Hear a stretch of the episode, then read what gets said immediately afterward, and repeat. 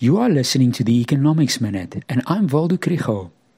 If one is concerned about the impact of load shedding on economic activity, it easily happens that we may talk too little about the other concern, namely inflation. This episode is supported by Predictive Insights and the NWU Business School.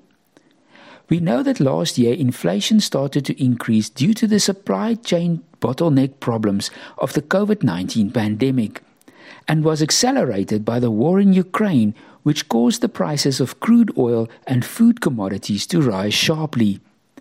Since July last year, the inflation rate has started to slow again.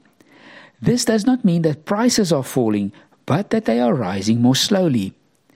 The expectation is that the inflation rate will further decrease this year, but there are a lot of factors that influence this.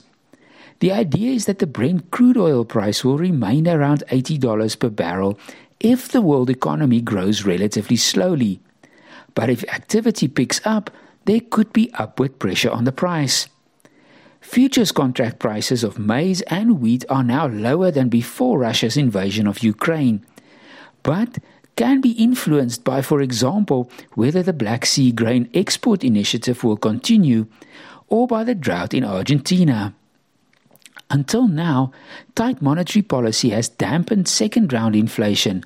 But in the past week, it has become clear that the high interest rates are putting pressure on US banks, and there's now a sense that the Fed may need to take its foot off the brakes for a while.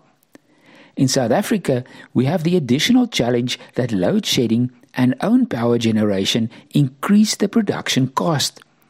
The volatility of the rand dollar exchange rate does not help with the fuel price either. All this leaves the Monetary Policy Committee with a difficult decision at the end of the month. How are all these different risks weighed?